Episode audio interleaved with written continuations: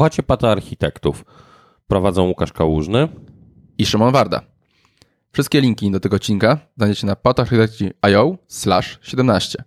Mamy oczywiście konto na Twitterze Patoarchitekci i z nowości odpaliliśmy User Voice na GitHubie, gdzie można sugerować tematy, zmiany, cokolwiek.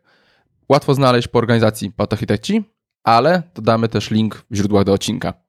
No to linki. Łukasz? Yy, ode mnie będzie link na temat zakładu Google z rynkiem. Chcą być do 2023 pierwszym albo drugim dostawcą cloudowym. I jest to ciekawe, bo będą mieli, mają bardzo dużo do zrobienia, a ich struktura przychodów nie pokazuje, że cloud to jest takie główne źródło. To jest ciekawe, bo jak się spojrzy na to, jak wygląda premia Satya Nadali, to 70% jego premii w, jest, bazuje na tym, jakie wyniki będzie miał Azure, czyli MS jest bardzo nastawiony. I mieliśmy dyskusję a propos tego, czy Google'owi się uda. E, Łukasz twierdzi, że nie. Ja jestem ciekawy tego. Tak, bo to jest jedno, po pierwsze, rozumiem ich logikę, ponieważ to jest największa agencja reklamowa na świecie, tak. jeżeli od tej strony popatrzymy, bo żyją z AdWordsów, to jest taki główny produkt. Jeżeli z 20% klientów y, AdWordsów wyda 3-4 razy tyle, co wydaje na, wydaje na AdWordsy, to coś z tego może być. Więc może być taka filozofia myślenia, że mamy już potężną grupę organizacji, która ładuje kasę w te AdWordsy i to są niemałe pieniądze, jeżeli popatrzymy. Ogromne. E, ogromne, właśnie jeżeli popatrzymy na rynek i być może czy da się ich skonwertować. Z drugiej strony śmiałem się z Szymonem, mieliśmy dyskusję przed tym i mamy takie czynniki, że tak naprawdę IT może chcieć to na przykład tego GCP, ale zostaje nam jeszcze bezpieczeństwo, compliance, czyli prawnicy i procurement, czyli zakupy. Jestem ciekaw, jak będzie się to wyglądać, takie procesowanie. Tak, bo marka Google'a potrafi działać cuda i naprawdę przepychać różne, różne jakości produkty i ludzie po prostu używają tego. Niestety. No i jeszcze jedna rzecz. Google ma przecież bardzo długą tradycję ubijania produktów i tak. to jestem ciekaw, co takie plotki mogą spowodować z samym GCP, bo bardzo dużo produktów ubijają. Tak, ale ten wie, że już tak ludzie do, podchodzą dość ostrożnie do produktów Google'a, coraz mniej chętnie bazują swoje usługi na tym, bo to jest takie, nie wiadomo kiedy Google to ubije. Dobra. Dobra. Co ty wykopałeś? Ja wykopałem rzecz prosta, ale mnie bardzo ucieszyła.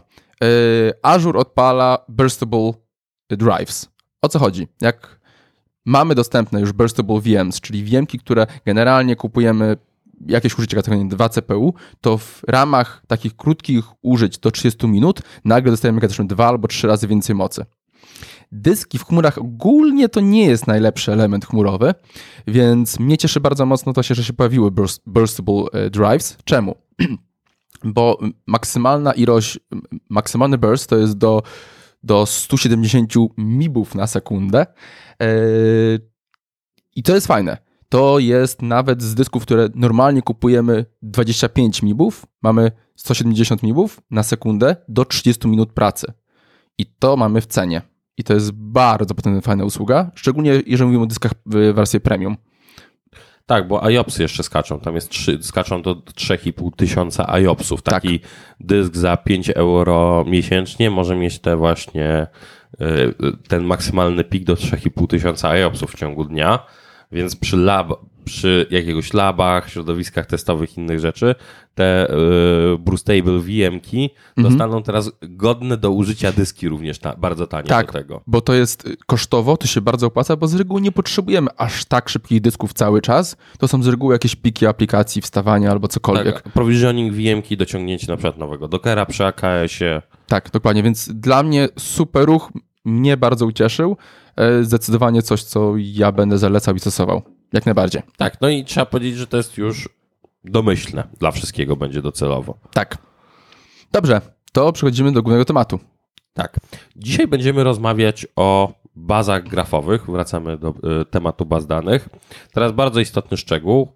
Szymon na, y, w jednym z takich rozwiązań jakim, grafowych, jakim jest Neo4j, wisi tam jako ambasador oficjalny na stronie tego rozwiązania. Tak. Więc trzeba uważać, bo może mieć spaczenie w stronę jednego produktu. Zobaczymy, jak to wyjdzie w trakcie.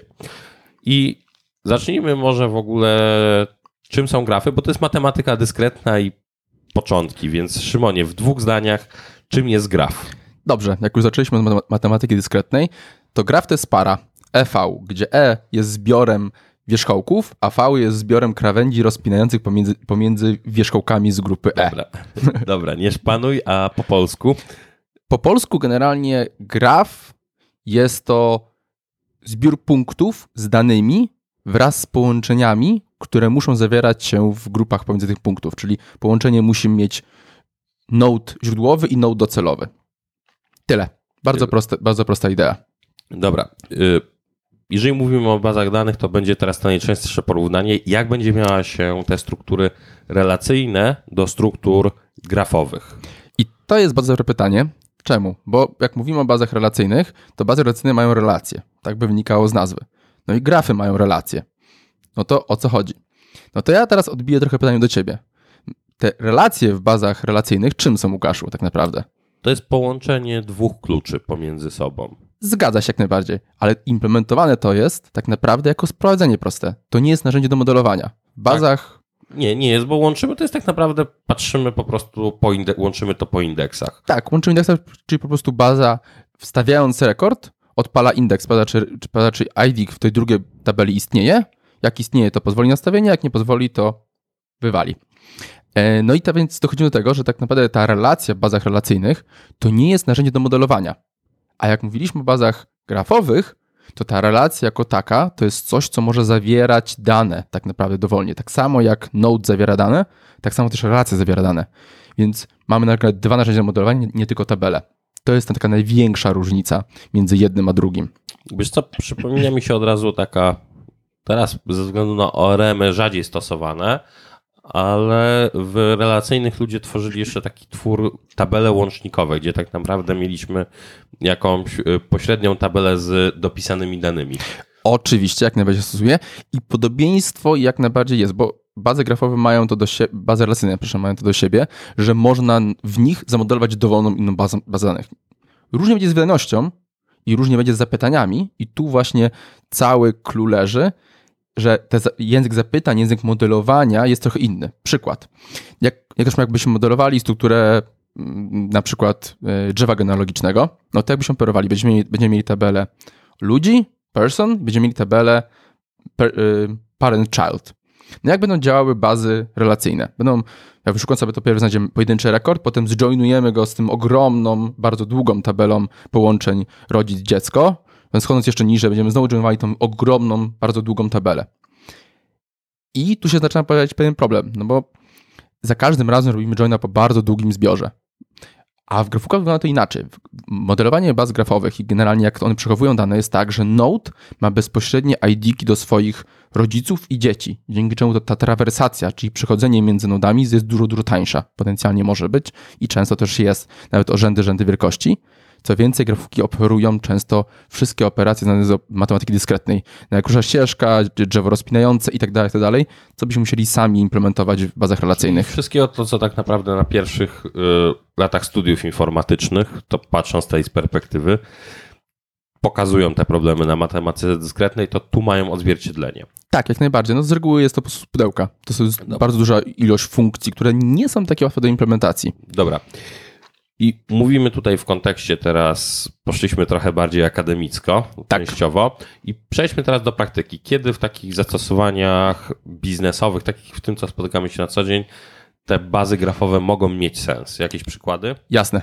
Najczęściej przychodzi z reguły social media do głowy, czyli Facebook, LinkedIn i tak dalej, co realnie bywa używane, ale nie jest tak często. Taki realny biznesowy przykład, jak już mówimy, to jest kilka tak, tak zwana cała grupa baz wiedzy, bo właśnie bazy grafowe są często wykorzystywane do przechowywania wiedzy, budowania baz wiedzy. Pranie, wykrywanie prania brudnych pieniędzy. Tam są też właśnie wykorzystywane dość często. Modelowanie uprawnień w systemach, jak pomyślimy o rolach, grupach, użytkownikach, to y, często widuje faktycznie. I do systemów rekomendacji. To też bywa bardzo ciekawy obszar. Dobra, to może zacznijmy po kolei przez te typy jak pasują do bazy wiedzy, bo to chyba nie chodzi o samo przechowywanie zawartości, tylko bardziej modelowanie i wyszukiwanie po tych strukturach, żeby znaleźć połączenia. Jasne, to pójdźmy przykładem. Załóżmy sobie, że mamy New York Timesa i to jest, autenty- to jest faktycznie realna implementacja. którą korzystają.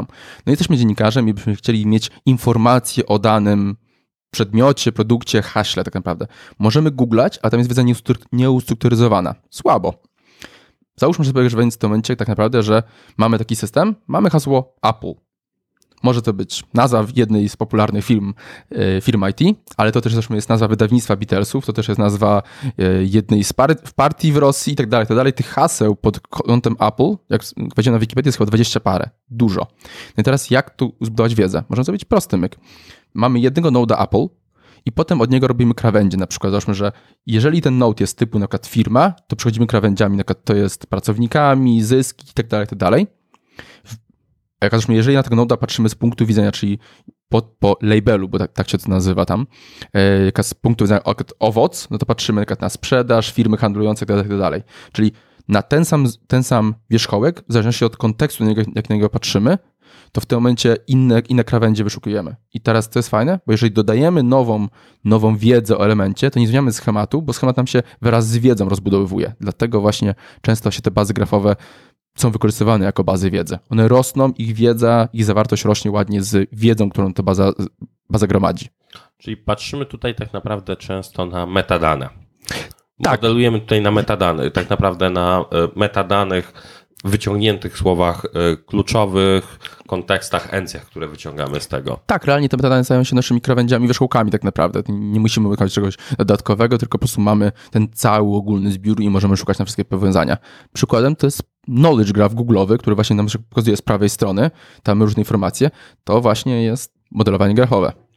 Dobra, to był pierwszy przypadek, następny dość ciekawy pranie brudnych pieniędzy. Jak tutaj się to... Bo ty mnie zaskoczyłeś akurat, jak wygląda właśnie grafowe w kontekście prania brudnych pieniędzy. Jasne, i to jest w ogóle fajny przypadek, bo parę lat temu było w, był tak zwany przypadek Panama Papers, czy wycieku 4 czy 5 terabajtów danych o tym, o te offshore accounts, czyli gdzie ludzie umieszczają pieniądze, grube pieniądze na, w rajach podatkowych. I teraz co się dzieje? Oni dostali kilkaset tysięcy faktur dokumentów. I teraz jak do tego podeszli? Bardzo prosto. Stawiali każdy dokument osobno, i mówili dokument, na tym dokumencie widnieją te, te osoby, jako w tych, tych, tych rolach, czyli mieliśmy node, node był dokumentem, role były e, typ, typem krawędzi i potem kolejne osoby były kolejnymi nodami. Więc teraz dzięki temu mogli się skupić na, dodawali, dodawali kolejne, kolejne dokumenty, a połączenia budowały się same, bo dodając wyszukiwali istniejący, więc budowało. E, więc to się budowało samo. I teraz, co ich interesowało w tej analizie? Interesowało mnie drzewo rozpinające, już że mamy prezydenta Boliwii, i z kim on robi interesy? Okej, okay, robi na przykład interesy z kimś z Arabii Saudyjskiej. Czyli można było znaleźć. Najkrótszą ścieżkę. Te końcowe wierzchołki, kto z kim jest, czy ma jakieś bezpośrednie powiązanie przy transakcjach. Tak, bo to nas bardziej interesuje Czyli, tak naprawdę. Y, pośrednie. Tak, pośrednie, pośrednie, przez firmy, prania i tak dalej, no bo jak, jak się bierze różne pieniądze? Tworzy się fejkowe firmy, w których jesteśmy udziałowcami i tak dalej, tak dalej, tak dalej. Więc tu nas właśnie interesują głównie relacje między nodami, relacje między osobami występującymi dokumentami i ta, ta ścieżka przejścia generalnie, czyli jak oni są ze sobą powiązani. Więc typowe modelowanie i faktycznie było też wykorzystane w bankach i w innych sytuacjach do wykrywania prania brudnych pieniędzy. Dobra. Kolejny będzie, z tego co powiedziałeś, modelowanie uprawnień i jak one pasują, bo tu faktycznie to wygląda na, na pierwszy rzut oka dla mnie już naturalnie. Tak, ale w ogóle powiedzmy sobie czemu. No bo ja mam użytkownika, użytkownik ma uprawnienia, to jest prosta sprawa, ma uprawnienia. A z reguły jest tak, że mamy jeszcze, użytkownik występuje w rolach. No okej, okay, no to role mają uprawnienia. Ale użytkownik też może być w grupach. Grupy mogą mieć role, grupy mogą mieć użytkowników i nagle widzimy tak naprawdę, że da nam się tworzyć drzewo rozpinające, że mamy użytkownika i po prostu interesuje nas wszystkie jego liście, gdzie liść, liściami mogą być konkre konkretne uprawnienia, wszystkie zero ma, nie ma, ma, nie ma Interesuje mnie, jak, jak do tych liści przejdziemy. Czy przez grupy, role, role w grupach, czy cokolwiek innego, tylko po prostu drzewo rozpinające. Co jest jeszcze fajniejsze, to jeżeli będziemy mieli role albo grupy, które mają wykluczające zasady, każmy, że będąc z tej roli nie masz negatywnych promieni, to na grafie robi się to bardzo proste, bo nakładamy grafę i po prostu robimy operację odjęcia y, naszych zbiorów. Czyli, I... czyli zezwolone. Tak. Z jednej strony mamy zezwolone, z drugiej Yy, zabronione. zabronione i łączymy je ze sobą. Tak, więc w, patrząc z punktu widzenia grafu, to jest drzewo rozpinające. Prosta operacja, są do tego natywne funkcje. I faktycznie widziałem na produkcji systemy, które właśnie, które właśnie korzystają z wtedy to był przypadek Neo4j, po to, żeby właśnie modelować skomplikowane uprawnienia. Używa się jak najbardziej. Dobra. I ostatni, najciekawszy, bo tutaj też się będzie pojawiał w kontekście y, baz, y, w sumie y, rzeczy takich jak Elastic czy innych często podpowiadania, czyli rekomendacje. Tak, i to się fajnie tłumaczy na przykład Amazona. Jak się wejdzie na Amazona, tak się wejdzie na jakiś konkretny produkt, to na dole generalnie widzimy taką listę pozycji. I tam już Amazon fajnie wypisuje. On nie wypisuje generalnie podobne elementy, bo podobieństwo jest bardzo takim ludzkim elementem. Po wytłumaczeniu maszynie, co, jest, co znaczy podobne, jest słabe. Co więcej, Amazon nie interesują podobne elementy, tylko nie pisują ładnie. Rzeczy, które kupiły też inne osoby, które kupiły ten produkt. No bo co nas interesuje? I teraz interesuje nas to, co ludzie faktycznie kupią. Więc jeżeli mamy jakiś produkt, jak ludzie klikają po stronie, to naturalnie tworzymy jakąś ścieżkę, po której przychodzą. I co nas interesuje? Amazon interesuje to, żeby nas naprowadzić na ścieżkę, tą, gdzie najwięcej ludzi coś kupiło tak naprawdę. Czyli mimo, że weszliśmy na produkt A, no to nie musimy jego kupić. Ważne, żebyśmy finalnie coś kupili. Czy jak, jak nam pokaże ścieżkę, gdzie faktycznie ta liczba ludzi, licząc konkretne przejścia, kupiło coś, no to ona będzie nas kierował od razu do tego liścia, gdzie nastąpił zakup. Dzięki temu podobieństwo nie liczymy, nie musimy tłumaczyć maszynie, czym jest podobieństwo. Po prostu licząc przejścia, licząc kupna, mówimy, może nie jest podobne, ale dużo ludzi to kupiło. Weź to zobacz. No nie? To jest też bardzo fajne podejście, że znowu budujemy wiedzę naszej bazy razem z danymi, które, które tam dodajemy. Dobra, i tutaj jedna myśl, która mi się nasuwa po przejściu przez te przypadki, o których powiedziałeś, że opisujemy tak naprawdę, mówimy ciągle o read modelu w przypadku bazy grafowej, czyli patrzymy na to, że budujemy tutaj jakieś modele pod y, odczyt i one nie brzmią jak problemy pod podstawową bazę danych, jako taką główną w aplikacji. Tak, znaczy to dotknąłeś dwóch bardzo ważnych tematów. W bazach nołyskolowych zasada jest taka, że musimy dokładnie znać użycie i jak dane będą wykorzystywane. Tam modelujemy pod odczyt, bo ten odczyt może być bardzo skomplikowany. E, druga rzecz to jest to, że faktycznie z reguły, czy ja bym nie dał bazy grafowej jako głównej bazy w systemie z kilku powodów. To nie jest baza do przechowywania wszystkiego, to jest baza do przechowywania relacji, i niczego właściwie więcej. Y, drugie, te bazy bywają, są trochę mniej dojrzałe. Bazy relacyjne mają 50 lat prawie, bazy grafowe mają 12, 15 często. Jest różnica między jednym a drugim tak naprawdę. Chociaż my nawet naszej wiedzy o jak to monitorować, jak z nimi żyć, problemów rozwiązywanych i tak dalej, dojrzałości w ogóle organizacji, jak ją utrzymywać. Także jak najbardziej tak, to nie są z reguły główne, główne bazy w bazach danych, w systemach. Dobra. To teraz może przejdźmy do przykładów. Gdybyś mógł powiedzieć, jakie są dostępne na rynku rozwiązania, zacznijmy od strony naszego hypowanego cloudu, więc co mamy w cloudach? W cloudach y, mamy drugą pozycję, jeżeli popularnością na DB Engine zajmuje y, Azure Cosmos DB. Właśnie, bo Cosmos ma wiele API, w tym między innymi ma właśnie API grafowe, doszczegółowiając. To jest API grafowe z, korzystające z języka, z Gremlina, taka specyfikacja trochę ona jest taka średnia, jeżeli chodzi o pisanie, jest ok, póki się nie widziało Cyphera. I, idąc dalej, yy, AWS ma Neptuna, a w GCP jako serwis nie znajdziemy nic. Mhm. Yy, jak mówiłeś o API dostępowym, to Neptun co obsługuje? Yy, Neptun obs obsługuje też Gremlina, czy taki ten trochę słabszy język i obsługuje jeszcze Spark QL-a, czyli jeszcze biedniejszy, bo do RDF-ów. Dobra. To mamy to teraz co, w, jeżeli nie chcemy tego jako usługę, czyli on-prem, czy na VM-kach, kontenerach? I, wchodzi, i wchodzimy w tą, w tą bazę, którą ja lubię najbardziej, czyli Neo4j. I żeby nie było, też lubię najbardziej, ale też to jest najpopularniejsza baza grafowa, jest duża różnica.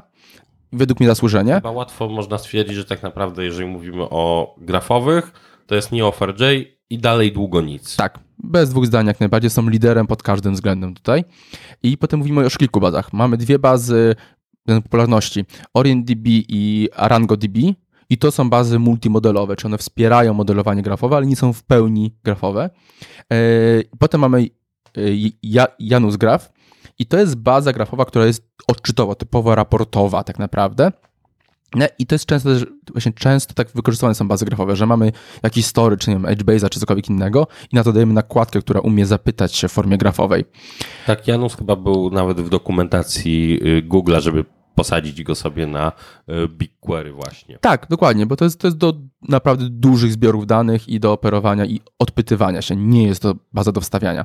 I na koniec ciekawostka, którą ja swego czasu bardzo liczyłem na większy rozwój, czyli SQL Server miał i dalej ma swoje Graph API.